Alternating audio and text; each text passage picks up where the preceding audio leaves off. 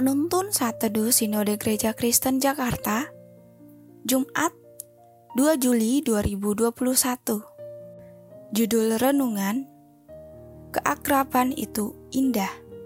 Nats Alkitab terambil di dalam kitab 1 Tesalonika pasal 2 ayat 13 sampai 20 Sukacita atas jemaat dan karena itulah kami tidak putus-putusnya mengucap syukur juga kepada Allah. Sebab kamu telah menerima firman Allah yang kami beritakan itu. Bukan sebagai perkataan manusia, tetapi dan memang sungguh-sungguh demikian. Sebagai firman Allah yang bekerja juga di dalam kamu yang percaya. Sebab kamu, saudara-saudara, telah menjadi penurut jemaat-jemaat Allah di Yudea, jemaat-jemaat di dalam Kristus Yesus. Karena kamu juga telah menderita dari teman-teman sebangsamu, segala sesuatu yang mereka derita dari orang-orang Yahudi. Bahkan orang-orang Yahudi itu telah membunuh Tuhan Yesus dan para nabi dan telah menganiaya kami apa yang berkenan kepada Allah tidak mereka pedulikan dan semua manusia mereka musuhi.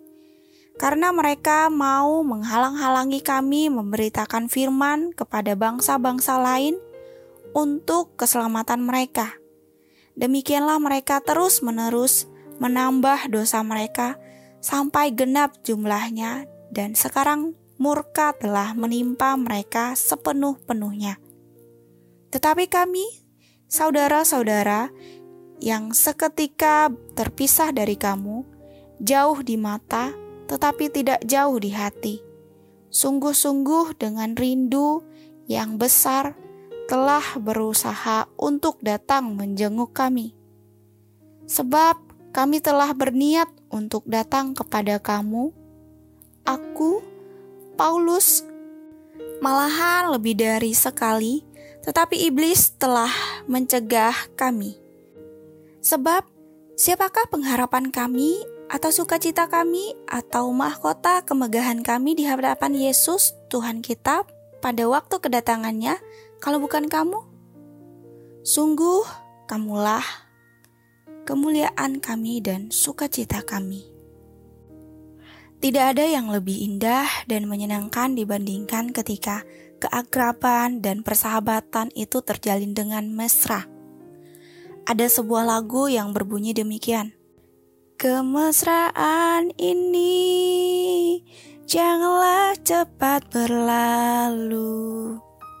Kedekatan relasi sangat dibutuhkan dalam hubungan antara sesama. Dengan kedekatan relasi yang akrab dan mesra, dapat tercipta kehidupan yang saling menguatkan khususnya ketika menghadapi berbagai macam tantangan dan kesulitan.